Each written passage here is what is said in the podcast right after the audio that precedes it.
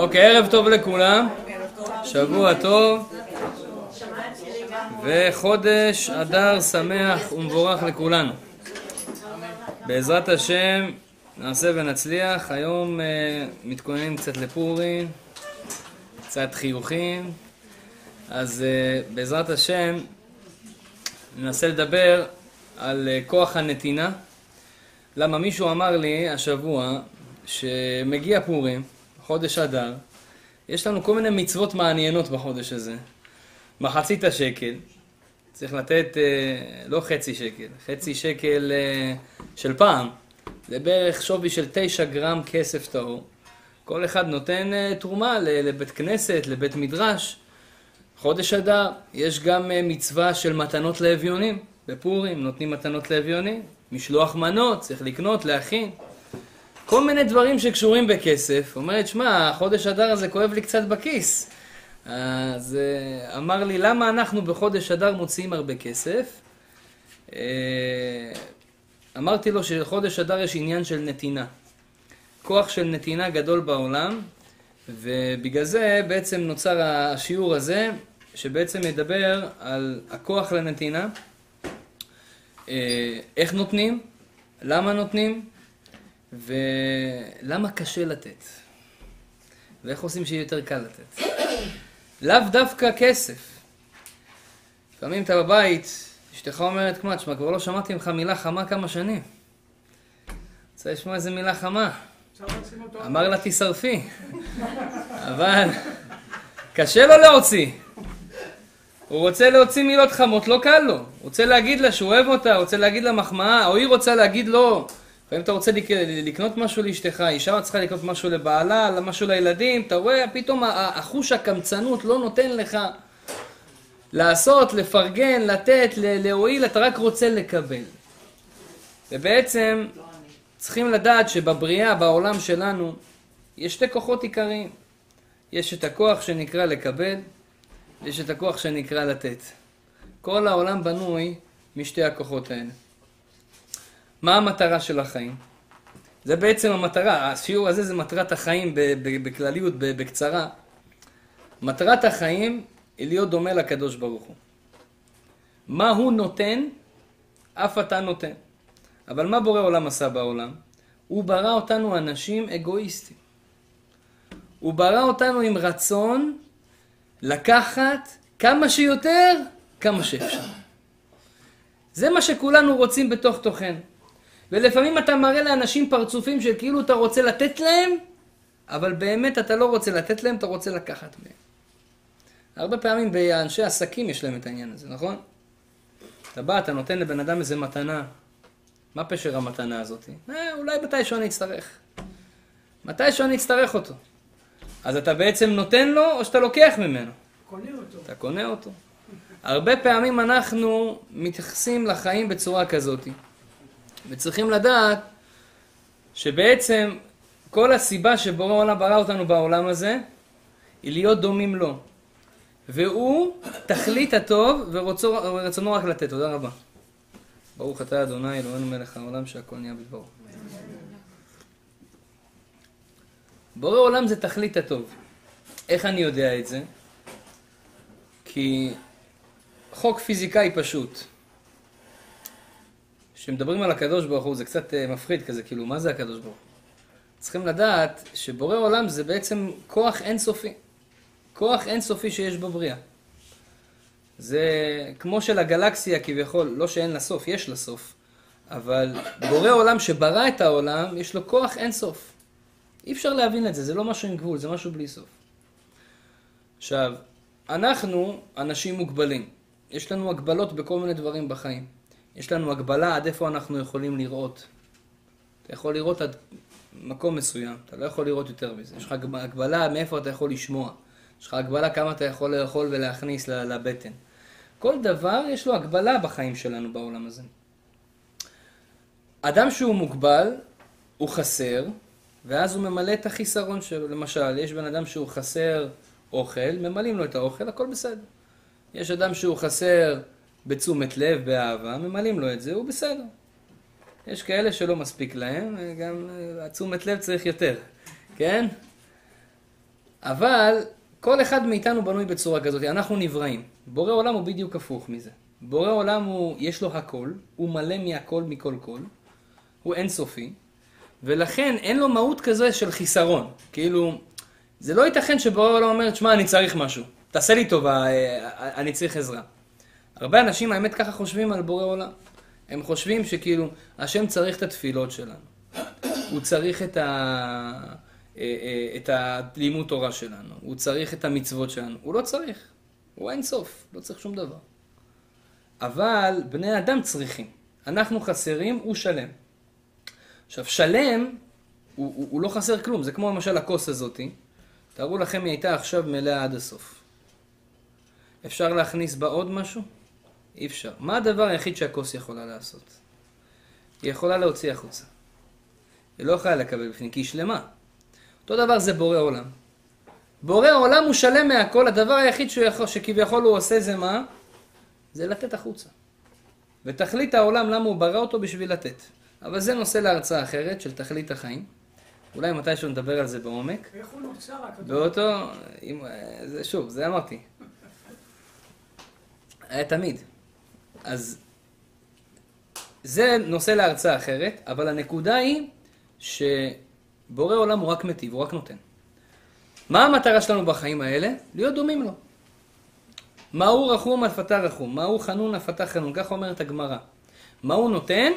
אף אתה צריך להיות נותן. עכשיו, אנחנו נבראנו עם רצון לקבל. כל הזמן אנחנו רוצים רק לקחת ולקחת ולקחת ולקחת. והמטרה שלנו היא לעבוד על עצמנו ולהיות נותנים. השאלה היא איך עושים את זה. השאלה איך באמת הופכים להיות אנשים טובים. איך באמת להיות אנשים לא אינטרסנטים ולהיות נותנים, ובכלל מי אמר שזה טוב? מי אמר שזה נכון? יש כאלה, לימדו אותנו בארץ, מה לימדו אותנו? אל תהיה פראייר. אם אתה תיתן הרבה יעלו לך על הראש נשמה, אתה בסוף תהיה בלי כלום. יש כזה מושג. יש אנשים שהולכים ואיך אומרים, אה, מפיצים את הפסיכולוגיה הזאת בעולם. השאלה היא, האם הפסיכולוגיה הזאת היא נכונה? או אולי צריכים להיות מאוד נדיבים, או אולי צריכים להיות פחות נדיבים. תחשוב על עצמך, אתה צריך, תשמע, קודם כל זה אתה. אז בואו אנחנו נעשה קצת סדר בעניינים, ונראה באמת אולי השאלה הגדולה ביותר, איך אנחנו באמת הופכים להיות אנשים נותנים בקלות.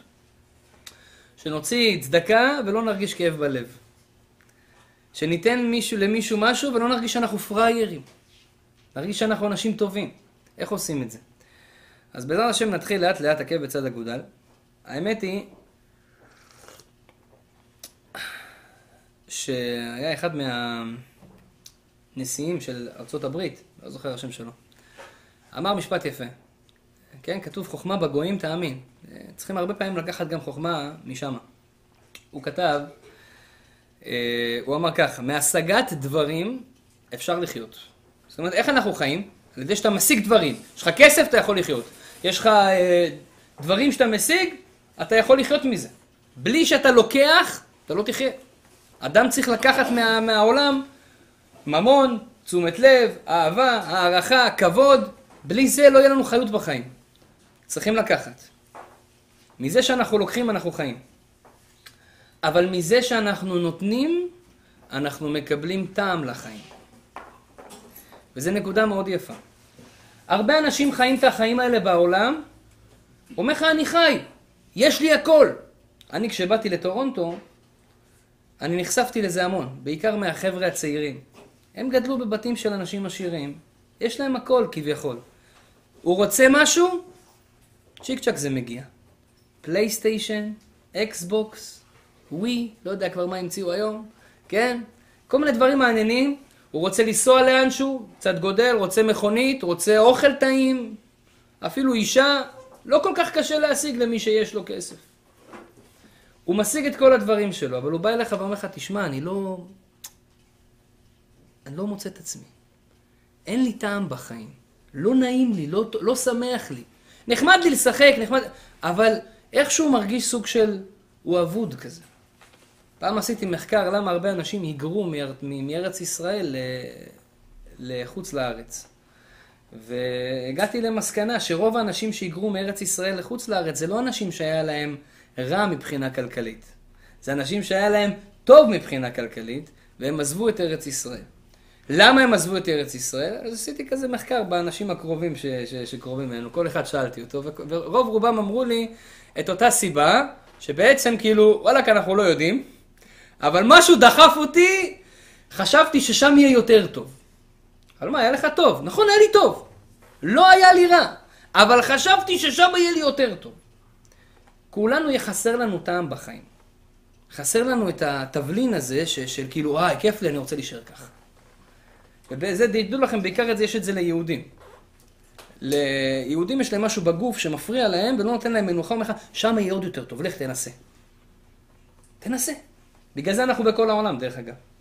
כל מקום שיש קוקה קולה, יש יהודים ויש בית חב"ד. זה כלל בעולם.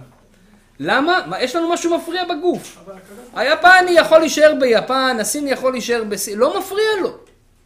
לנו משהו מפריע, בעיקר לחבר'ה הצעירים שלנו, אין להם טעם בחיים. איך משיגים את הטעם הזה? הטעם הזה הוא בא מנתינה, רבותיי. אדם שרוצה לחיות, תקבל, תיקח, תיקח מהעולם. כמה שאתה יכול לנצל את האנשים, את העולם, תנצל, אתה תוכל לחיות. יהיה לך איך לחיות. אתה רוצה טעם בחיים? זה יבוא לך לא על ידי לקיחה, זה יבוא לך אך ורק על ידי נתינה. נמצא שאדם שלא נותן, אין לו טעם בחיים. הוא יכול, ל... ל... ל... אנחנו יכולים לראות ב... בעיניים שיש לו הכל, אבל הוא מסכן. הוא אין לו באמת טעם בחיים, הוא לא מלא. והסוד של זה הוא שלקבל ממלא את הגוף. כן? הגוף, הוא רוצה רק לקבל. הזוהר קורא לזה הב-הב. מה איך הכלב נובח? הב-הב. למה הוא נובח הב-הב? יפה. למה הב-הב? הב בארמית זה תביא. אבל הב זה גם הבלי. לא, לא. הבה לי, תביא לי, תביא, כן. הב, הב, הבה לי. מאיפה זה הגיע המילה הזאת, הבה לי? זה מארמית לקחו את זה. בזוהר בארמית, הב זה תן. הכלב אומר לך, הב, הב, תביא. מה זה זה? מה אני פה בחינם? תביא משהו, תביא עצם, תביא אוכל, תביא זה. תביא. צריך להביא. אז זה הב תביא. עכשיו הוא אומר, הגוף, סליחה מכבודכם, הוא כמו כלב, הוא רוצה שיהיה לו טוב. דרך אגב, הכלב, הגמרא אומרת שכלב זה לא החיה הכי צדיקה בעולם. כאילו, כמה שהוא נראה כזה חמוד, וכאילו, עושה מה שאתה אומר לו, כאילו, שב, הוא יושב, ארצה, ארצה, הכל, הכל מקשיב לך, נאמן לבעל הבית שלו. אבל תדעו לכם שהוא הוא אינטרסנט גדול. למה הוא נאמן לך? כי הוא יודע בסוף הוא יקבל את הסוכריה שלו, יקבל את את את את את המנה הטובה שלו. בתוך תוכו הוא כולו הב, תביא, תביא, תביא. אני עושה טוב בשביל שתביא לי בסוף. אני לא עושה לך טוב כי אני רוצה להיות טוב.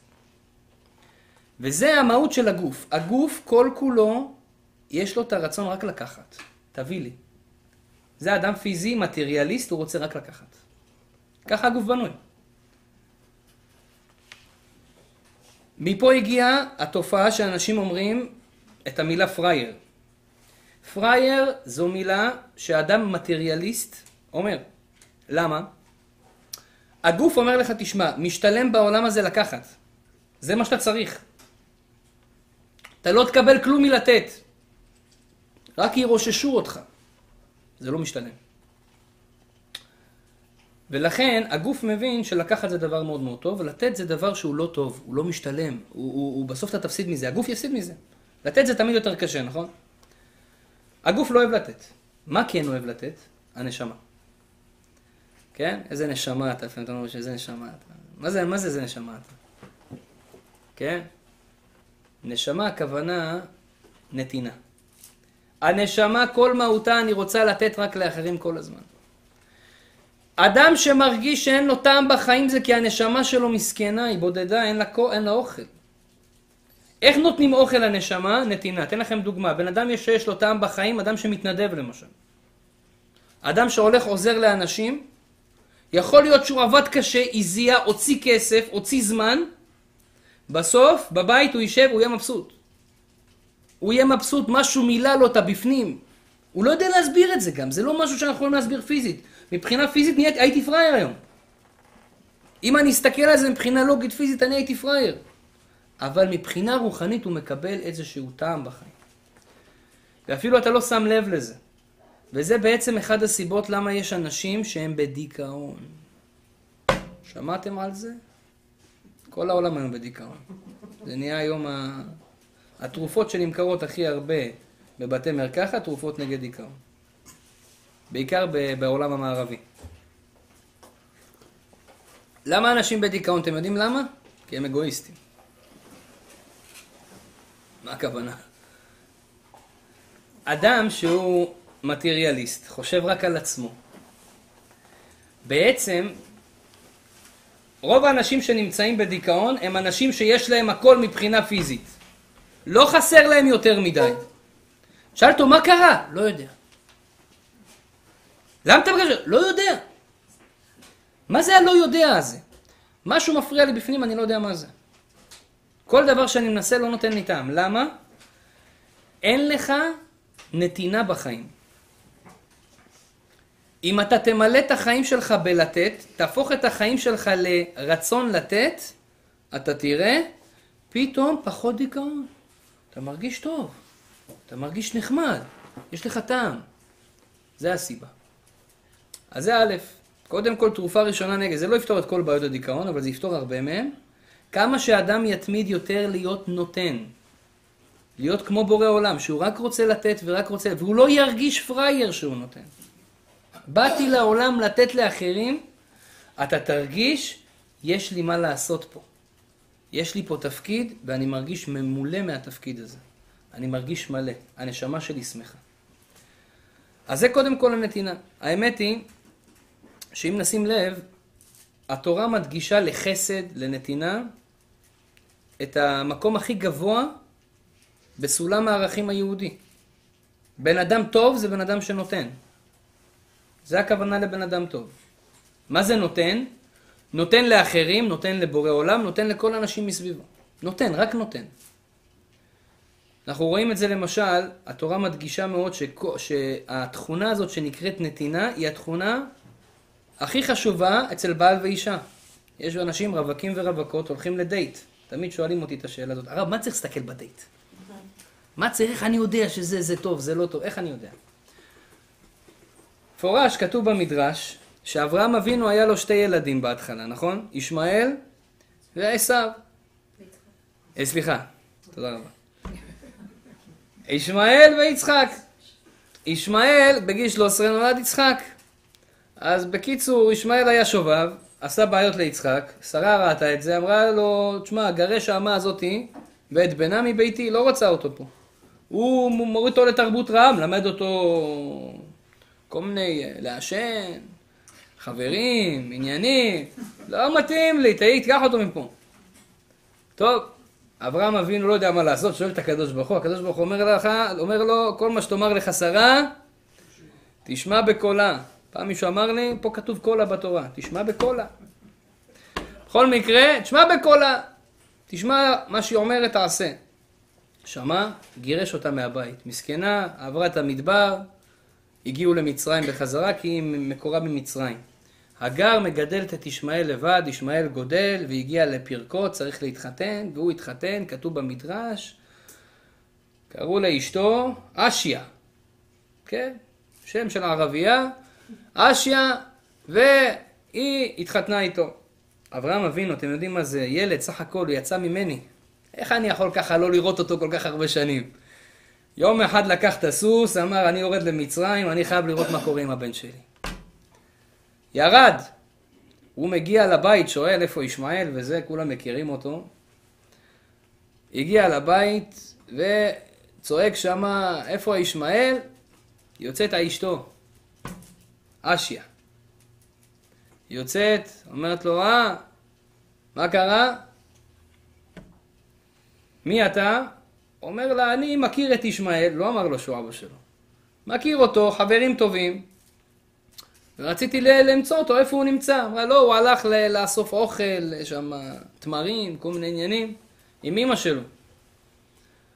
אתה רוצה שאני אגיד לו משהו כשהוא חוזר? לא, בסדר. את יודעת מה, אני באתי מהדרך הארוכה, אני צמא קצת, רעב קצת, אולי תביא לי קצת לחם ומים, לא יותר מדי. בבקשה ממך. אומרת לו, לא, לא, מחילה, אין לנו, אין, אין לחם. אם היה, הייתי נותנת, אבל אין. מה זה אין? בינינו. אין לך מים בבית, אין לך לחם בבית. אין. טוב. אמר לה, את יודעת מה?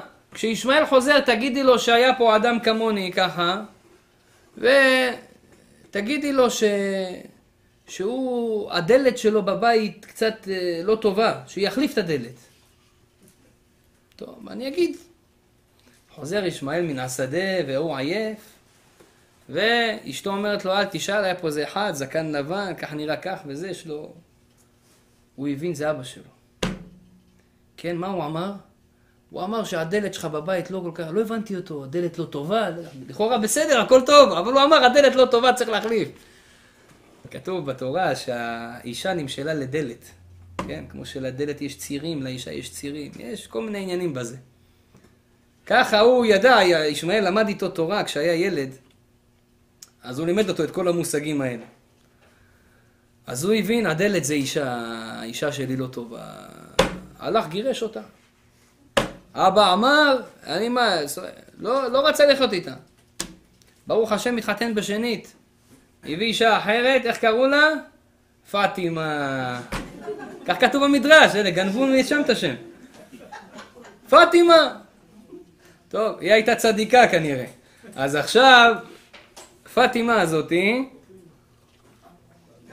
אחרי שלוש וחצי שנים, מגיע אברהם אבינו בחזרה למצרים.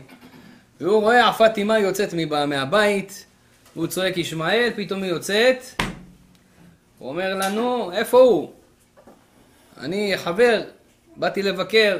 הוא אומר, לא, הוא הלך לאסוף אוכל, לעשות ציד.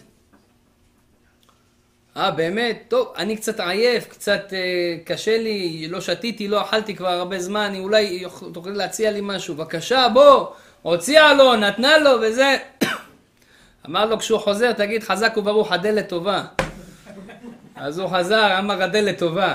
אומרים מכאן לומדים חכמים, איך אדם יבחר אישה? או אישה, איך תבחר גבר? מה המידה הכי חשובה להסתכל? האם הוא נותן? האם היא נותנת? אותו דבר קרה עם אליעזר ורבקה, הבן השני של יצחק. מה קרה? אליעזר הולך למצוא אישה ליצחק. עכשיו הוא מסכן, איפה אני מתחיל, איפה אני מסיים? אמרו לו, לך לחרן. כמה אנשים יש בחרן? איך אני יודע מי מתאימה לו, מי הזיווג שלו משורש נשמתו, איך אני בוחר את זה? היום הכל קל, יש שידוכים, יש היום ג'יי uh, דייט, כל מיני דברים כאלה, אתה כותב uh, מי אתה, מה אתה, המחשב כבר אוטומטית משדך לך כבר את הבן אדם. יש כזה תוכנה היום, מישהו אמר לי, הוא אומר, אתה לא עושה שום דבר, אתה מכניס את הפרטים שלך, והמחשב כבר קולט למי אתה מתאים. זה מחשב מיוחד. בכל מקרה, פעם זה היה בעיה, היו הולכים למצוא בחור, הולך למצוא בחורה, אליעזר, לא יודע, אומר לו ריבונו של עולם, האישה אשר אומר לה, הגמעיני נא מעט מים, תביא לי לשתות, והיא תאמר, אשקה אתן לך לשתות וגם לגמליך אשקה, היא האישה הראויה לבן עבדי, ליצחק. עכשיו, אתם יודעים כמה גמל שותה? כמו גמל. כמה גמל שותה? יש לו מחסן. ליטרים. כן, יש לו בדבשת שם, באלה, בהרים האלה, אני לא יודע מאיפה הוא מחזיק את המים. כן, פעם אחת היה איזה גמל קטן, מדבר עם אבא שלו, אומר לו, אבא, למה יש לנו את הגבוה הזה על הגב? אומר לו, תשמע, כשהולכים במדבר וזה, צריכים שיהיה לנו מחסנים. אומר, ולמה הרגליים שלנו ככה עם פרסות? וזה אומר, כשהולכים במדבר צריכים שיהיה לנו כוח ללכת הרבה זמן. אומר, אבל בשביל מה כל זה אם אנחנו בגן חיות? אני לא מבין. בכל מקרה... הגמל, הגמל הוא מחזיק בדבשת מים, יש לו המון, יש לו מח... איך אתה יכול לבקש מבחורה צעירה? להגיד לה, אוקיי, תביא לי מים, אני מבין. אבל שהיא תבוא וגם תציע לכל העשר גמלים שלך לתת מים? איפה ההיגיון פה? בחיים לא תמצא בחורה כזאת. אבל הוא מצא. עכשיו, למה הוא דווקא עשה את התנאי הזה? למה הוא לא אמר תנאי אחר? תגיד, הבחורה הראשונה שאני אראה עם שיער אה, שתני, זאת תהיה הבחורה ש... ש... למה הוא לא אמר תנאי אחר? למה הבחורה הראשונה שאני אראה שתעשה משהו אחר? למה דווקא את העניין הזה? אומרים חכמים, מה שאדם צריך לחפש בבן או בת זוג שלו, הכי חשוב, כוח הנתינה. הוא אדם שאוהב לתת, יהיה לכם טוב בחיים. טוב, זה כל זה אני אומר לרווקים ולרווקות, לא לאלה שנשואים עכשיו. כן, הם אה, יירגעו, מה שקיבלת, קיבלת, נשמה, אין מה לעשות, אולי בסוף השיעור נראה מה עושים עם זה. מה עושים עם כל מה שיש? הוא לא נותן כלום, מה עושים איתו? נראה בעזרת השם. אבל כוח הנתינה זה כוח חשוב. אנחנו רואים שהתורה שמה דגש לכוח החסד מאוד מאוד. זה דבר ראשון. דבר שני, אז אם כך, למה קשה לנו לתת? למה זה קשה להוציא ולהביא? למה זה קשה להגיד מילה יפה לבן אדם אחר? למה זה קשה לעשות משהו בשביל אדם אחר? למה קשה לנו לתת לאחרים? למה אנחנו רוצים תמיד שיהיה לנו טוב ונוח, וקשה לנו לעשות לאחרים ואנחנו מרגישים פראיירים שאנחנו עושים לכם? אז האמת היא שצריכים לדעת, נתינה זה ניסיון. למה הקדוש ברוך הוא ברא את, ה, את האופן הזה ככה שאנחנו נולדנו עם הרצון לקבל, ויש לנו גם רצון מסוים, מוסריות כזאת, כן? וגם בורא עולם אומר לנו, תיתן, אף על פי שאני לא רוצה לתת, בגלל שזה הניסיון שלך בחיים. הניסיון שלנו בחיים זה לתת, כן? יש uh, גמרא מפורסמת על רבי עקיבא. רבי עקיבא, יום אחד, הקיסר של רומא, קראו לו, אה, כמדומני, אנדריאנוס, או טורנוסרופוס, אחד מהם, שתיהם היו מתווכחים איתו כל הזמן. בכל מיני פילוסופיה, עניינים רוחניים. קיסרים היו אז חכמים, לא כמו היום. אז עכשיו, היה להם ראש, היו אוהבים חוכמה, היו באים מתווכחים עם הרבנים הגדולים. אז הרבי עקיבא היה יושב איתו, ויום אחד הוא שאל אותו שאלה מאוד יפה, הקיסר. אמר לו, תגיד לי, רבי עקיבא, בורא עולם, שאתם מאמינים בו, הוא אוהב עניים? הרי כתוב בתורה שלכם, פתוח תפתח את ידך לעני ולאביון, חס ושלום, אסור להתעלם, צריכים לתת, וצדקה פה, מחצית השקל שם, זה כאן, תמיד לתת לעניים. אז בורא עולם אוהב עניים, נכון? אומר לו, ודאי שאוהב עניים, הנה, אתה אמרת בעצמך, כל ההוכחות בתורה. אז שואל אותו, תגיד, אם הוא אוהב עניים, והוא אוהב אותם, למה שהוא לא ייתן להם, יפרנס אותם? חכם, לא? אם אתה אוהב מישהו, תיתן לו, מה? הרי כתוב שאם בן אדם פוגע בעני או באביון, או ביתום, או באלמנה, זה הרבה יותר חמור משאתה פוגע בבן אדם רגיל. למה? כי הוא מסכן, אין לו כסף, והצעקה שלו להשם, השם שומע יותר, הוא אוהב אותם יותר, את המסכנים. אז אם הוא אוהב עניים, שיפרנס אותם. למה לא מפרנס אותם? לא הבין אנדריאנוס. אומר לו רבי עקיבא, אה, שאלה יפה, שאלה שאלת. התשובה לזה, שהקדוש ברוך הוא גם אוהב אותנו. מה זאת אומרת? הוא גם אוהב את העשירים. נו, אז מה? אז הוא אומר, בגלל שהוא אוהב את העשירים, הוא רוצה שהעשירים יחיו, ושיהיה להם זכות, ושיהיה להם מצווה, אז הוא עושה עניים כדי שהעשירים יתנסו בניסיון וייתנו לעניים כדי שגם להם יהיה זכות. אחרת מה העשירים חיים בשביל מה? אז הוא רוצה לתת זכות לאחרים כדי שייתנו לאחרים. ואני אגיד לכם יותר מזה, הרבה פעמים, הזוהר הקדוש אומר, נגזרת על אדם גזרה בשמיים. לא עליכם עשה משהו חמור, נגזרת עליו גזרה. והוא הלך וראה מישהו שצריך ונתן לו כסף, או עזר לו, או נתן לו אוכל, או מה שזה לא יהיה שהוא צריך, וברגע שנתת לבן אדם הזה, ביטלת את הגזרה מעליך. יש לך זכות עכשיו. בראת מלאך בשמיים שאומר, הלו חבר'ה, זה צדיק זה. תראו מה עשה היום. זאת אומרת, הנתינה, הצדקה, היא זכות לעשירים. עכשיו, הגמרא במקום אחרת אומרת יותר מזה. יותר ממה שעושה העשיר עם העני, עושה העני עם העשיר. זאת אומרת, בינינו, בן אדם מבקש ממך צדקה, אחרי שאתה נותן לו צדקה, אתה צריך לנשק אותו ולהגיד לו, וואי, תודה רבה שבאת. מה הייתי עושה בלעדיך? זה מה שהגמרא אומרת. למה? הוא עשה איתך צדקה יותר ממה שאתה עשית איתו. אתה חי בסרט, החייתי אותו, הוא לא היה לו, נתתי לו, עכשיו יש לו איך לסגור את החודש. הקדוש ברוך הוא אומר לו, חביבי, אתה, היה לך בעיה, ובזכות הצדקה שעשית לו, יש לך עכשיו זכות. קיבלת יותר ממה שהוא קיבל. אתה תגיד לו תודה, לא הוא יגיד לך תודה. ואני ראיתי, האמת היא, ראיתי בן אדם כזה, הייתי בדרום אפריקה פעם. באתי לאיזה אחד מיליונר ענק, הייתי, עשיתי שם שיעורי תורה. אז איזה אחד בא, והיה איתי איזה רב אחד גדול, והוא אסף אה, כסף בשביל הישיבה שלו. אז ראיתי אותו, הוא בא לרב לתת לו צדקה לישיבה. הביא לו סכום הכי מכובד שקיבל שם מכולם. כמה אלפים. אדם הגיע באוטו ישן, מכנסיים קצרות עליו, מסכן, מגיע עם הכסף, וכאילו, הרב, תעשה לי טובה שתיקח את הכסף. כאילו, תודה רבה לך, שאתה מזכה אותי במצווה. זה הרגשה שהוא נתן לרב. והאמת היא, זה בן אדם שמבין. כמה הכוח של הצדקה הוא גדול. זה מה שאומר לו רבי עקיבא. העשיר זוכה על ידי הצדקה שהוא נותן לעני. זה זכות בשבילו. הוא זוכה בזה לחיים. אז זה דבר ראשון. זאת אומרת, יותר עמוק, לפי הקבלה, כשבורא עולם נותן פרנסה לבן אדם, הוא לא נותן לו את כל הפרנסה שלו. יש בן אדם עכשיו שמכל מיני סיבות, הוא צריך עכשיו לחיות בעולם הזה קצת בחיסרון. שיהיה לו קצת ניסיונות של קשה לו בכסף. תדעו לכם, כל פעם אם יש לכם תקופה שקשה לכם בכסף ופרנסה, זה בא בצדק בשביל ניסיונות מסוימים, וזה לטובה. אוקיי, אז יש לך חיסרון. בעיקרון לא אמור להיות לך חיסרון, אתם יודעים למה? כי בורא עולם הבטיח שכל בן אדם בעולם, אני מוריד לו את מה שהוא צריך. אז אוקיי, אם אתה מוריד את מה שאני צריך, למה חסר לי עכשיו?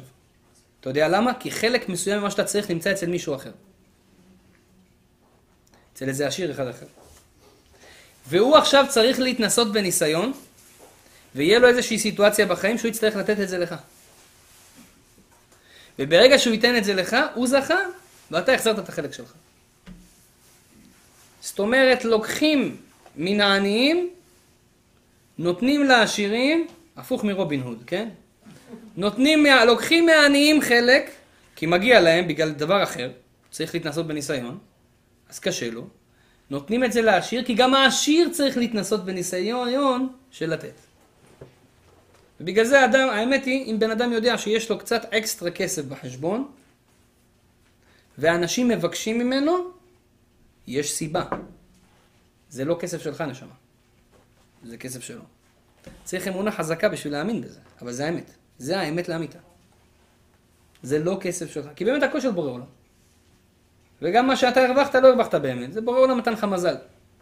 פעם דיברתי עם חמי, אני זוכר. כשהתחתנתי, היה לי, השתבח שמו, אפס בחשבון בנק. למה השתבח שמו? כי לא היה מינוס. היה לי בדיוק אפס. הייתי בחור צעיר, הייתי בן 20. התחתן, בדור שאני מתחתן בן 20 זה כאילו אתה מתחתן בדור של פעם בן 12. ככה זה נחשב היום. הייתי ילד, לא היה לי פרנסה, לא היה לי כלום. עכשיו, עם כל הכבוד, באתי לחמי, אמרנו לו, תשמע, עכשיו משפחה וזה. אני צריך לפרנס, איך אני עושה את זה בדיוק, כאילו, איך זה עובד? אני בחור צעיר, כל הזמן למדתי עד עכשיו והכל. אז הוא לקח אותי שיחה, אמר לי, תשמע, מה אתה חושב, אני היה לי משהו? מה, עכשיו אני היה לי בגרות, עכשיו אני היה לי פרופסיה, אני התחתנתי יותר צעיר ממך, בגיל 19 התחתנתי. אז אמרתי לו, אז איך עשית את זה? אומר לי, תשמע, כסף זה מזל. עוד פעם, כסף זה מזל. אם בורא עולם החליט שאתה מקבל, אתה מקבל. אם הוא לא החליט שאתה לא מקבל, תהיה פרופסור עם PhD, לא תקבל. אני מכיר כמה פרופסורים כאלה, שגרים פה, שאין להם פרנסה. אבל איך, אתה פרופסור. אין מזל. אז באמת אם בן אדם מבין את זה, אז אם זה שיש לי זה באמת מהקדוש ברוך הוא, מבורא עולם, אז אמור להיות יותר קל לתת. והנתינה הזאת היא בעצם לא שלך, זה חלק שלו שאתה צריך לתת לו. ואתה מקבל מזה זכות וזה הניסיון שלך. לכן נתינה זה ניסיון של החיים. עיקר ניסיונות של האדם בחיים זה נתינה. אם בן אדם עצר אותך ברחוב ואמר לך, תשמע אחי, אני צריך עזרה. מה, סתם הוא בא אליך עכשיו? אם אתה חושב שסתם הוא בא אליך עכשיו, אתה מאמין במקריות, בדרוויניזם. באנו מהקופים, מקרה. אין מקרה בעולם. מקרה אותיות רק מהשם. השם סידר שהוא יבוא ויפול עליי עכשיו, ויגיד לי, אני צריך עזרה, אני עובר דירה, תבוא תעזור לי. ובאופן שאתה יכול, אני לא מדבר באופן שאתה לא יכול, באופן שאתה לא יכול, אתה לא יכול. ובאופן שאתה יכול, אם אתה אומר לו לא, מה, מה קורה בעצם? אתה מפסיד את הניסיון של חסד שאתה צריך לעשות. כי בורא עולם מביא אותנו לעולם הזה עם הרצון לקבל, ואומר, אני אתן לך ניסיונות של לתת, בוא נראה אותך. אז כל פעם שראים מישהו ברמזור, צריך לתת לו? לא, אז זהו, יפה. אז יש בזה הלכות. עניי עירך קודמים. אז יש בזה הלכות. דרך אגב, כשמדובר בלתת, חייב לתת לאנשים הגונים. ההוא ברמזור בבטרס וסטילס, בדקתי אותו, מה את חושבת? הוא יותר עשיר ממני. יש כמה מהם. כל היום מעשן, לא רוצה להגיד לכם מה. אם אתה עוזר לו, עזרת לו להרוס לעצמו את הבריאות ולכל החברים שלו. אז זה, אין מצווה לעזור לו. אבל יש אנשים, יש אנשים, שבאמת אתה יודע שצריכים, שבאמת אתה יודע שנחוצים, ולא רק אנשים, מוסדות. תעשה משהו למען הכלל. תחשוב עם עצמך, מה עשיתי השבוע למען עם ישראל? יש הרבה אנשים שפתאום שבוע יגידו, כלום. כל השבוע חשבתי רק על עצמי. ואז אני לא מבין למה אני בדיכאון ולמה אין לי טעם בחיים. כי כל השבוע התרכזת באנוכי, אני ועצמי, זה הכל. זה מה שיש לך בחיים. וזה בעיה. כי זה לא למה באנו לפה. באנו לפה בדיוק להפוך. להיות האיש הנותן ביותר בעולם. להפוך את כל הרצון לקבלה לרצון לנתינה. אז איך אנחנו עושים את זה? אז קודם כל להבין שניסיון, נתינה זה ניסיון. בורא עולם, בורא עולם לנו אפשרויות לנתינה בתור ניסיון של חיים. כל פעם זה ניסיון. זה א'. דבר שני, ותדעו לכם, בכל התורה כולה, כמה שיש מצווה שהיא יותר קשה לך לעשות, זה אומר שהמצווה הזאת היא הרבה יותר גדולה. בתורה לא כתוב מה יותר גדול ממה. לא כתוב לך למשל, סוכה יותר חשוב מתפילין. לא כתוב. לא כתוב אה, אה, חסד יותר חשוב, לא כתוב את הדברים האלה. אנחנו לא יודעים מה יותר חשוב ממה. אבל יש אפשרות מאוד מאוד פשוטה לדעת. איך? מה שהכי קשה, אתה רואה שפתאום לא מצליח לך, לא רוצה, קשה לך, תדע לך, זה משהו גדול. למשל שיעורי תורה, על דרך כלל, רוב הפעמים, ללכת לשיעורי תורה קבוע, יש לזה יצר הרע גדול מאוד. למנוע אותך מללכת.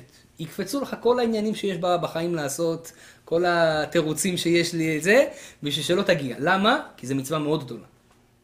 אולי הכי גדולה שיש בתורה. אבל, אותו דבר זה צדקה. אנשים שואלים, למה קשה לי לתת? למה קשה לי לפרגן? למה קשה לי? למה? תדע לך, זה הראייה וההוכחה שזה אחד המצוות הגדולות ביותר. לא סתם כתוב בגמרא שצדקה שקולה כנגד כל ה-613 מצוות ביחד. מצוות נתינה. כשאני אומר צדקה, הכוונה נתינה. זה לאו דווקא חייב להיות בכסף. זה יכול להיות בגוף, זה יכול להיות במילים.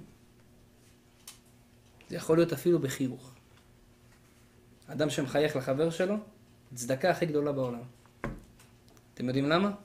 שימחת בן אדם. אתה יודע מה זה? הוא היה בדיכאון עכשיו, קרה לו כל מיני בעיות, פתאום אתה נותן לזה חיוך כזה ככה. עכשיו מה, הוא רק מהבושה, הוא אומר, תשמע, אתה מחייך, אני לא יכול להיות ככה רציני שאתה מחייך. אני חייב לחייך בחזרה, זה לא הולך ככה, זה... אז מה עשית? שימחת אותו. זה צדקה. דרך אגב, ראיתי באחד הספרים, שהרי בתפילה, יש לנו מצווה לתת צדקה כל יום לפני התפילה.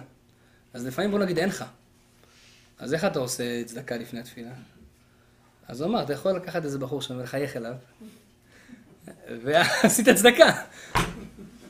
אתה רואה אחד כזה רציני וזה, אתה מחייך אליו, עשית צדקה עכשיו. זהו, צדקה לפני תפילה. זה, כן, זה לא אמור לבוא במקום, כן? אבל במצב שאין לך שום דבר עליך, אז זה איזה אפשרות מילוט כזאת. בשבת. או, בשבת, כן. אז עכשיו, בגלל שאנחנו רואים שיש לנו כל כך הרבה מניעות וקושי והתכווצות לתת, לא נותנים בפרגון. זה אומר שזה דבר גדול, ותדעו לכם, הדבר עוד יותר גדול, מה קורה אחרי שבן אדם נותן? הוא קצת בבאסה כזה לפעמים. שמע, יכולתי לקחת חופשה, זה לא... הוא קצת כזה, יש לו כזה סוג של, מי מביא את העצבות הזאתי?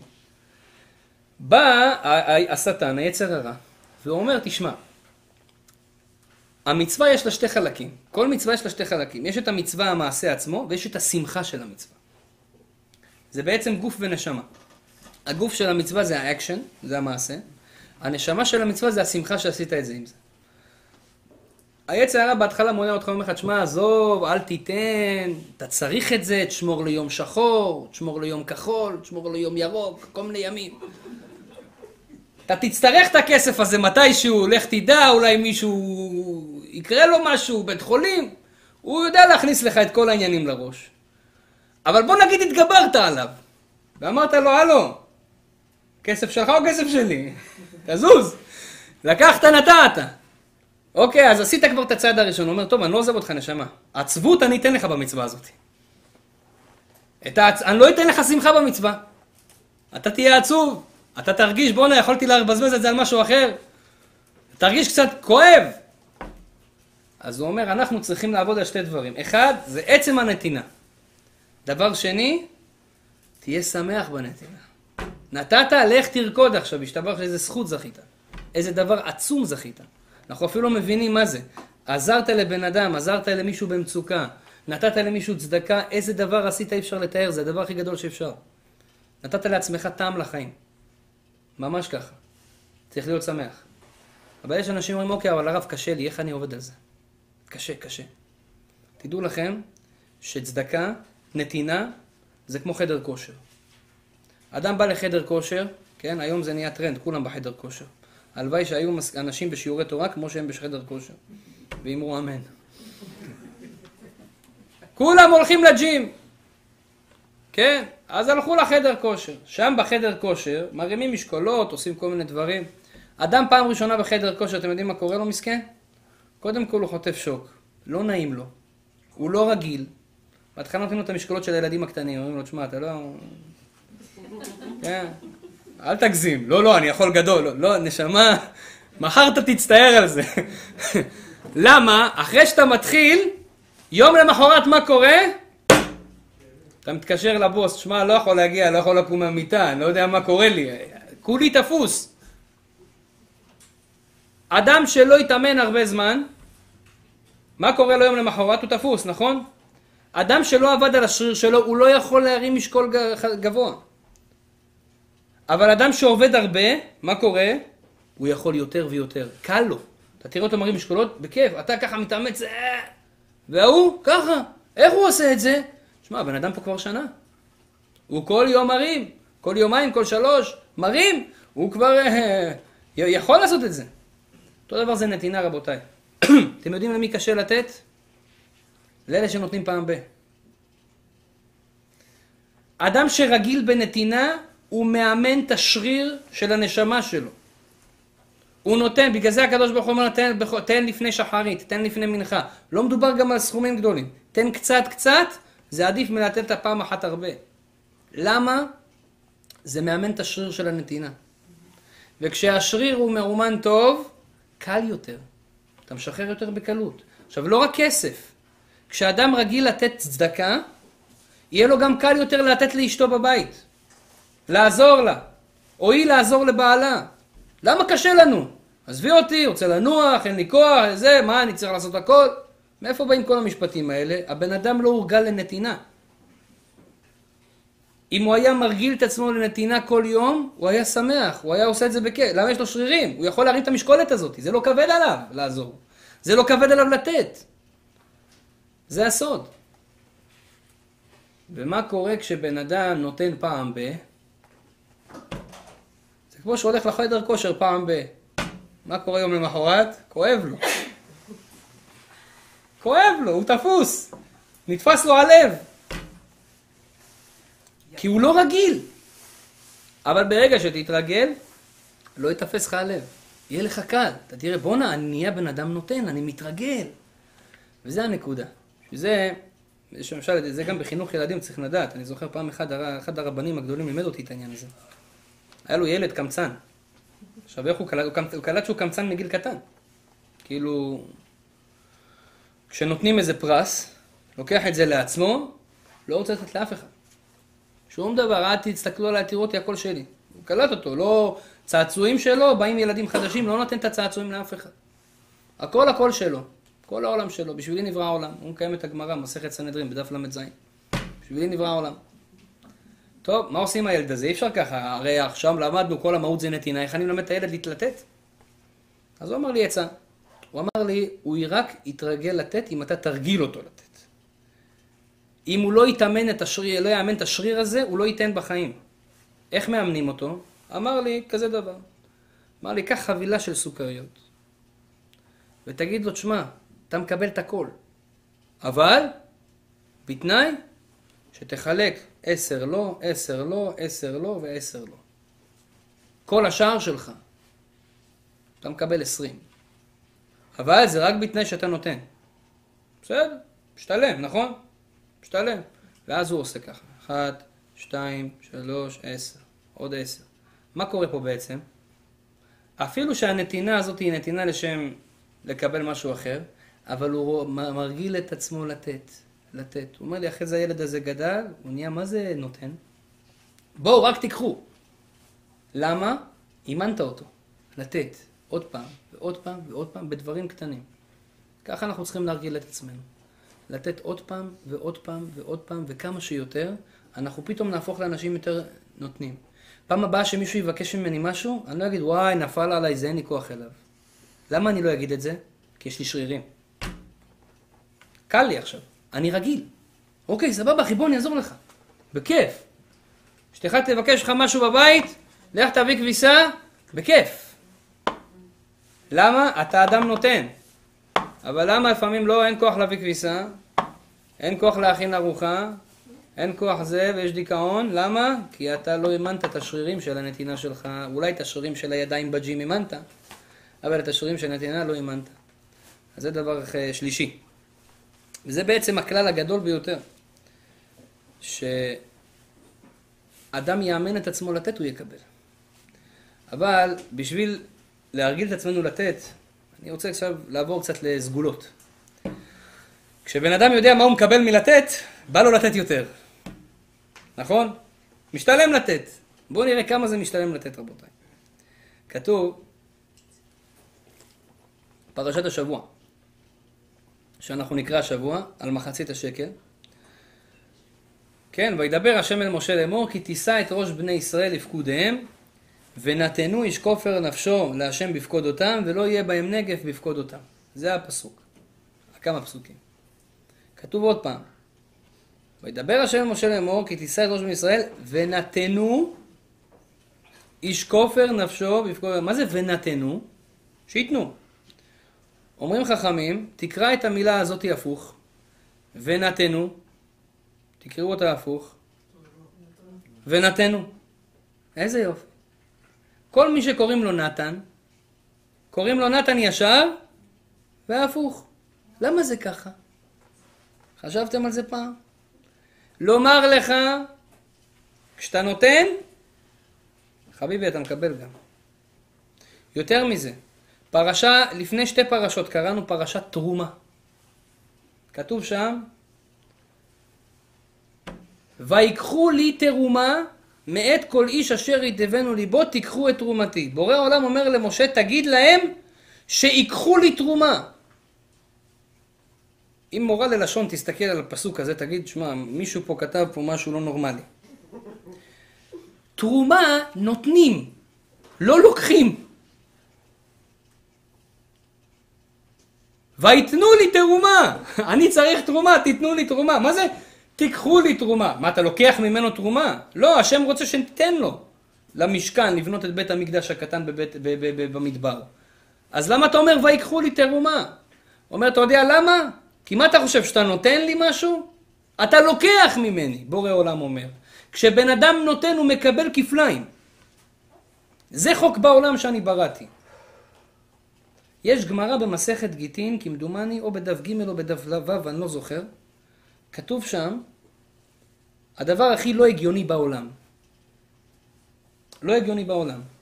כתוב שם ככה, אם בן אדם רואה שמזונותיו מצומצמים, זאת אומרת, אדם רואה, בואנה, הכסף בדיוק ככה, על הקשקש. מצומצם לי פתאום, לא, לא, לא מספיק לי, לא מספיק לסגור את החודש מאה אחוז. מה יעשה שיהיו יותר? שואלת הגמרא. אז הגמרא אומרת הדבר הכי לא הגיוני בעולם. ייקח מהם ויעשה מהם צדקה. תגיד לי, אתה נורמלי? אני אומר לך, מזונותיי מצומצמים, אתה אומר לי לתת עוד? אתה היית צריך להגיד, אדם רואה שמזונותיו מצומצמים, ילך יחפש ממי לקחת, שיהיה לו יותר. מה אתה אומר לי, אני אקח אותם ואתן לאחרים? הוא אומר, כן, נשמה, ככה זה עובד. אצל בורא עולם אין היגיון, הכל מעל הטבע אצל היהודים. אצלנו הכל מעל הטבע. ונהפוך הוא, מה שקרה בפורים. הכל הפוך. באמת העולם עובד ככה. מזונותיך מצומצמים, אתה רוצה יותר? בוא נראה אותך בניסיון. עכשיו, כשיש לך מיליארדים בחשבון בנק, וואלכ, לא קשה לך לתת. למה? ברוך השם יש לי, אני אשן טוב. לא יחסר. למי קשה באמת לתת? זה שאין לו. בורא עולם אומר, אתה רוצה שאני אתן לך זכות שיהיה לך יותר? בוא נראה אותך נותן כשאין לך. בוא נראה אותך גבר, בקיצור. דיברתי פה עם, אה, אתמול נפגשנו, היינו בפגישה, הייתי, ב, עשינו דינר בשביל בית כנסת שאנחנו בונים. אז עשינו אה, התרמות ש, של כל העשירים פה הגדולים בטורונטו. זה כאילו חבר'ה של כאילו, כשאתה מסתכל עליהם זה כבר, אין שמות, זה מספרים, כאילו 500 מיליון, 345, וזה, ככה זה הולך. אז הם כולם ישבו בזה, אני גם יושב בשולחן של הרבנים והכל. אז הם מדברים איתם והכל. אז אה, שמה, כן, בן אדם כזה, איזה ניסיון יש לו לתת צדקה? ודאי שכל אחד רוצה שיהיה לו יותר, ו... אבל מה כבר, מה כבר הקושי? מה כבר הקושי? אדם באמת ש, ש, שיש לו את ההתמודדות, זה אחד שאין לו. והוא עדיין אומר, בורא עולם, אני מאמין שהכל ממך. הרי אתה זן מפרנס לכל. ואם אתה כתבת בתורה, שאם נותנים גם כשאין, אתה מחזיר? זה הניסיון. אז מה רציתי להגיד לכם? בערב הזה היה שם אחד מהשירים הגדולים פה בטורונטו. רייכמן, אתם מכירים את רייכמנים? שירים גדולים. הכרתי את האבא שלהם, הוא נפטר לפני כמה, כמה שנים, לפני שנתיים, שלוש. אז הבן שלו סיפר לי, שהוא אומר, כולם, אתה יודע, מעריכים את אבא שלי כי היה תורם גדול. זה בן אדם שכאילו היום באים אליו ישיבות, כאילו מיליון דולר צ'ק, כך, שיהיה לך לבריאות. מאה אלף דולר, ככה, בסכומים עצומים. לא, לא יודע אם היה בדור שלנו תורם גדול כמוהו, בכלל, בכל העולם. אז הוא אמר, כולם מעריכים את אבא שלי שהיה בעל צדקה גדול וזה, והם לא יודעים דבר אחד. שאבא שלי, הוא לא היה נותן כשהיה לו הרבה. לא, זה ודאי שהיה נותן. גם כשלא היה לו, הוא היה נותן. הוא אומר, אני יודע כי הייתי בבית. היו תקופות של נפילות, היו תקופות של חובות. אתם יודעים איך זה אצל עשירים. או שאתה פה, או שאתה כאן. אין אמצע. או שה stock market למעלה, או שהוא למטה. והיו גם תקופות שהיינו למטה, ואף אחד לא ידע. אבא שלי ידע, אני ידעתי. ועדיין דופקים בדלת. הם חושבים שאני ביליונר. הם לא ידעו שאתמול הפסדתי את כל הרכוש שלי. אבל הם חושבים שאני עדיין מיליונר. איך אני יכול לשלוח אותם ככה? אז הוא אומר לי, הייתי רואה את אבא שלי כותב צ'קים גם כשאין לו. אני אומר לו, אבא, מה אתה עושה? הוא אומר לי, גמרא מסכת גיטין. כשאין לך, אז זה הניסיון האמיתי. ואז הם עלו בחזרה. כן. אז מה, מה, זה עדיין עשירית שצריכים לתת, או... לא, לא מדבר פה עכשיו על הלכה. אבל... נגיד מישהו שאין לו, אז כן. כמה הוא צריך לתת כדי... שיהיה לו יותר? כן. האמת, אני אגיד לך את האמת, הפורמולה היא מאוד פשוטה. תיתן, שירגיש לך קצת כואב. זאת אומרת, מה שאתה יכול, אף אחד לא, אין פה, אין פה סכומים, אבל שבאמת יראו שאתה עושה את זה מהלב. ריבונו של עולם, אני מאמין בך. אני מאמין בך. איך אנחנו נעשה את זה יותר קל, רבותיי? יש סגולות. כתוב בספרים הקדושים שבן אדם נותן ונתנו זה חוזר אליו. כשאתה נותן אתה מקבל. כתוב שמה, בפרשת תרומה, שכל אחד נתן תרומה. אז כתוב זהב וכסף ונחושת. היו כאלה נתנו זהב, היו כאלה נתנו כסף, היו כאלה נתנו נחושת. בעל הטורים, אחד המפרשים, הוא כותב, יש שלוש סוגים בנותני צדקה. יש אחד, אומר לך, תשמע, אני נותן כי צריך לתת. אני בן אדם של נתינה. אתה שואל אותו, מה, מישהו חולה? לעילוי נשמת? לרפואת? אומר לך לא. לא צריך שמישהו ימות בשביל שאני אתן צדקה. לא צריך שמישהו יהיה חולה בשביל שאני אתן צדקה. אני נותן כי אני רוצה להיות בן אדם טוב. כי נתינה זה דבר חשוב בחיים, זה ממלא את הנשמה. אה, זה זהב, כן? כתוב זהב, ראשי תיבות, זה הנותן בריא. זה הגולדן. כל הכבוד. ויש אחד אחר. יש את הכסף. מה זה כסף? הוא רואה שעוד מעט כבר מתחילים בעיות. קצת הילדים הולכים בדרך לא נכונה. קצת כבר מתחיל להשתעל טיפה. אומר, מה, תשמע, שלא ניכנס לבעיות יותר גדולות, נלך לבית הכנסת, ניתן שם איזה כמה גרושים, שאיך אומרים, שיהיה להצלחה, שלא יהיה בלאגנים אחר כך. כסף ראשי תיבות, כשרואה סכנה, כן, פותח. כשרואה סכנה, נותן. כן? כשרואה סכנה, פ' פותח. פותח את הכיס. יש סכנה מגיעה, אני רוצה שזה לא יגיע. זה סוג שני בנותני צדקה. ויש אחד, גם ראה סכנה לא נתן, הוא כבר צריך להיות גוסס במיטה, הוא כבר לא יכול לתת בעצמו, הוא כבר צריך לשלוח מישהו אחר, תעשה לי טובה, תיתן קצת כסף שאני, אולי זה פדיון נפש, כפרה. שירגיש יותר טוב זה נחושת. מחכה שכבר ממש ייפגע בשביל לעשות צדקה. וזה ראשי תיבות, נחושת, נתינת חולה שאומר תנו. כבר אין ברירה, אני חייב. אז אולי זה יעזור. על הרופאים כבר אי אפשר לסמוך. אולי זה יעזור. אבל גם זה צדקה רבותיי. שלוש דרגות בנותני צדקה. אבל מה הדרגה הגבוהה ביותר? תיתן כי אני רוצה להיות כמו בורא עולם, נותן. אני אדם שנותן. סגולה שנייה רבותיי, כתוב, רבי חיים פלאג'י כותב, שאדם שרוצה שהילדים שלו ילכו בדרך טובה, הוא אומר, ואפילו אם יש אדם שלא עליכם, הוא רואה שהבנים שלו, הבנות שלו, הולכים בדרך שהיא לא קשורה. לא בדרך הכי טובה. בלאגנים. והוא רוצה להחזיר אותם למוטב, הוא אומר, אם יהיה האדם הזה רגיל בצדקה תמיד, בוודאי שיחזרו הבנים שלו למוטב, סגולה. זאת אומרת, יותר ממה שאתה מקבל מהצדקה שלך, הילדים שלך מקבלים מהצדקה שלך. שאלו אותי, אנחנו, אני הרב של הקהילה הבוכרית פה בטורונטו. שאלו אותי החבר'ה שלנו הבוכרים שאלה, אמרו, תגיד, מה הזכות שלנו שאנחנו, ברוך השם, הבוכרים, ברוך השם, איך אומרים, התקדמו, ויש להם uh, תורה, וישיבות, ומה הזכות? הרי ההורים שלנו היו קומוניסטים. לקחו אותם שם בסובייט יוניון שם, בברית המועצות לשעבר, לקחו מהם את כל הדת, מי שהיה רב היה נכנס לכלא. מי שהיה עושה מצוות...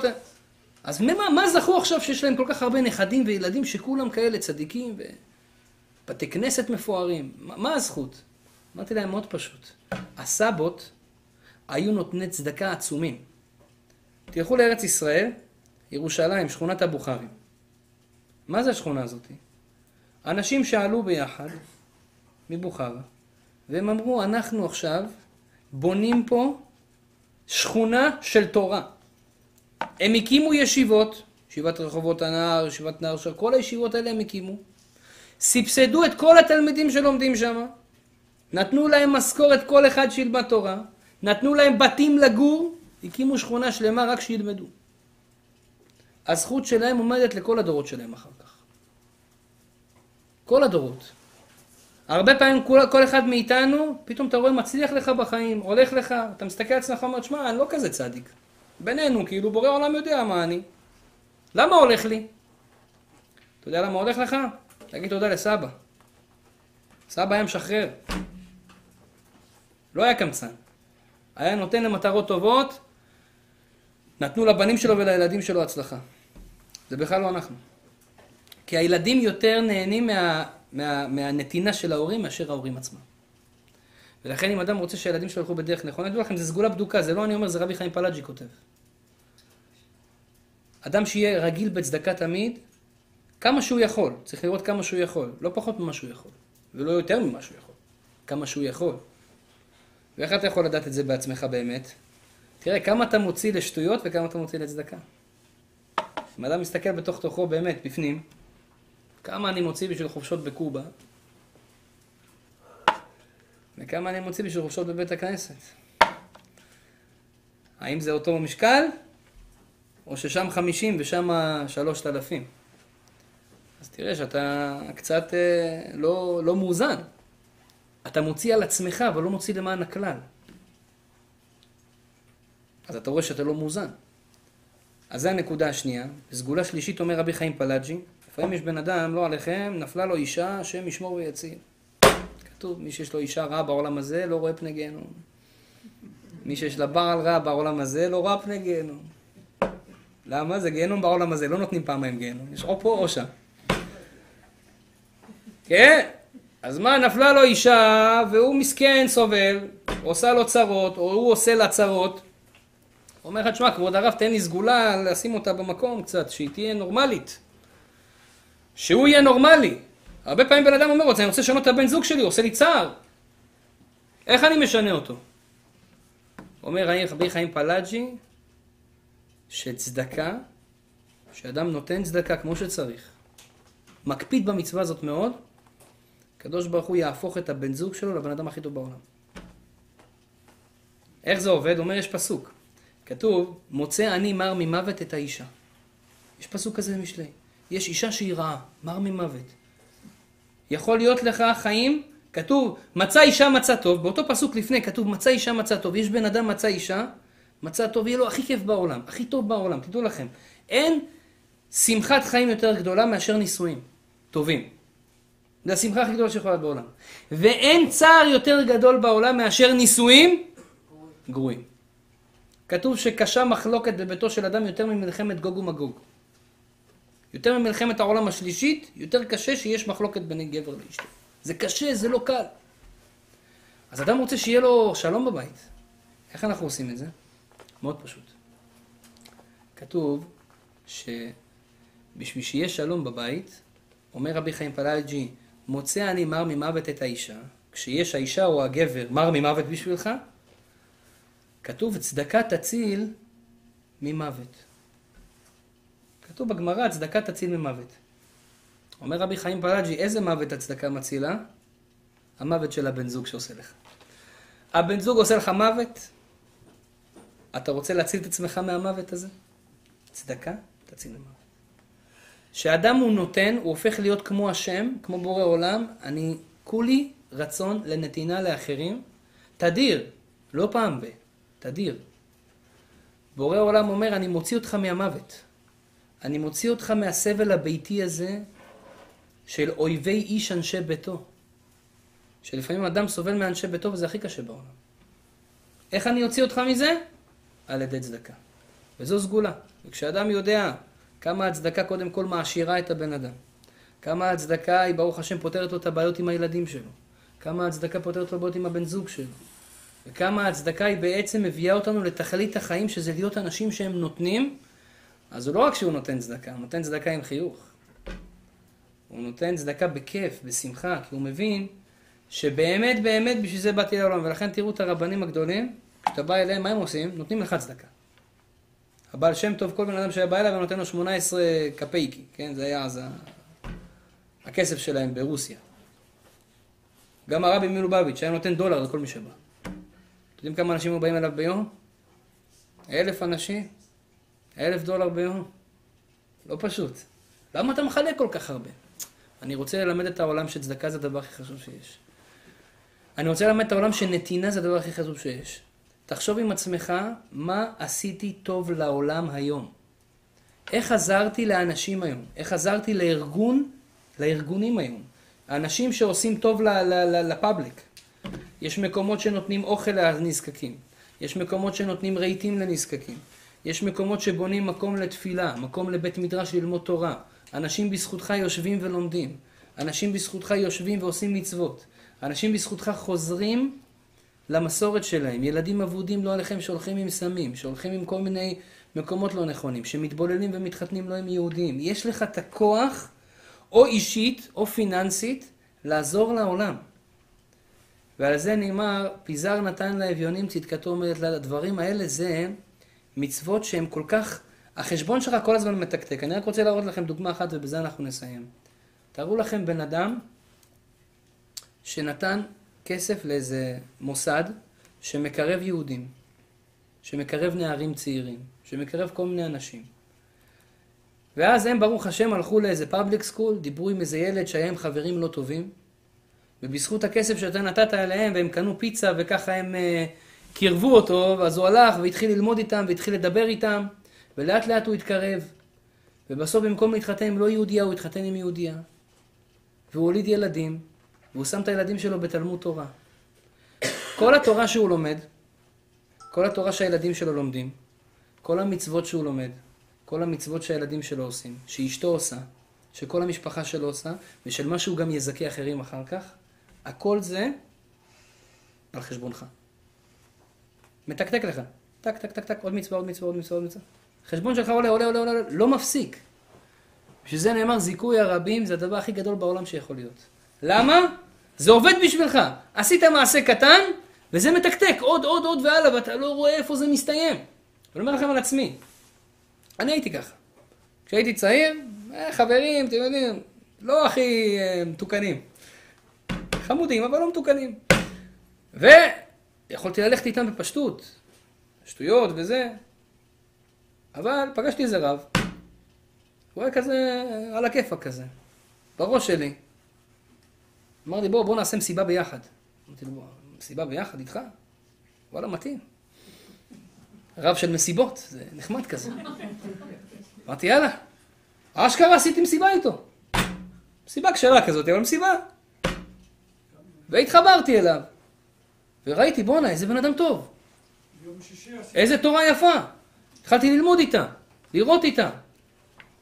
וברוך השם, מאז, השתבח שמו, ילדים, וקהילה, ועוד אנשים, וכל הזה, זה הזכות של הבן אדם הזה. ולא הזכות שלו, הזכות של מי שעזר לו לפתוח את המפעל הזה שלו. מבחינה פיננסית או מבחינה פיזית, מי שעזר לכל הדבר הזה. ולכן זה אין סוף למה שאדם מקבל זכויות מהדברים האלה. ולכן אם בן אדם ישאל אותי, הרב, אני רוצה שתיתן לי עצה אחרונה לחיים, איך אני יכול להבטיח שיהיה לי חיים טובים ומתוקנים? אני אגיד לו דבר אחד. כשאתה עושה פיזר נתן לאביונים למקומות שצריכים לכלל, אתה הופך את החיים שלך סוויץ' במוח. מכל מה שבא לי זה רק להיות אגואיסט ולקבל לעצמי, לא. כל המהות שלי בחיים, אני קם בבוקר בשביל אחרים. אני קם בבוקר בשביל העולם, אני רוצה לתקן את העולם, לעשות דברים יותר טובים לעולם, אני רוצה להיות כמו בורא עולם שרוצה לעשות רק טוב. אם זה מה שאתה עושה, תדע לך, הכל כבר יעבוד בשבילך. כמה זכויות יהיה לך בשמיים, כמה בריאות זה ייתן לך, כמה פרנסה זה ייתן לך, כמה שפע זה ייתן לך. ודבר אחרון, היום ראיתי רבי נחמן מברסלב כותב, שאדם שגורם לאחרים לתת צדקה, לא רק לעצמו. יש כאלה בעצמו, אוקיי הרב, אני אתן לך, קח, קח, ת, ת, ת, ת, תביא לתלמיד חכם, תביא לעני, תביאו לזה, מאה אחוז. אבל יש אחד שאומר, אתה יודע מה? אני אביא לך עוד עשר אנשים שכולם יביאו. רבי נחמן אומר שאדם שגורם לאחרים לתת, להיות נותנים, להיות אנשים של חסד, פועל ישועות בדבריו. אתם יודעים מה זה פועל ישועות בדבריו? זאת אומרת, הוא אומר וזה קורה. בא לכם? כן? אתה מרגיש סופרמן כזה, אבל צריך להיזהר במילים. ברגע שאתה נהיה אחד שגורם לאחרים להיות נותנים, מזכה הרבים של אחרים, אומר רבי נחמן, אתה מתחיל להיות פועל ישועות. פועל ישועות זה בבא סאלי קטן. בבא סאלי קטן בבית שלך, לכולם זה מתאים, וזה אתה בעצמך. על ידי מה? שאתה לוקח עוד אחרים איתך ואומר להם, חבר'ה, בואו נתחיל להיות נותנים. נפסיק לרצות לקבל רק לעצמנו הב הב כמו כלבים, ונהיה אנשים שנותנים, נהיה בני אדם, נהיה דומים לקדוש ברוך הוא, ועל זה בעזרת השם, אנחנו נביא את העולם לתיקונו הרבה יותר מהר, ואז בעזרת השם, אחרי שנביא את העולם לתיקונו, כולנו ביחד בטיסה אחת, לארץ ישראל, לירושלים, לעיר הקודש, במהרה בימינו אמן ואמן.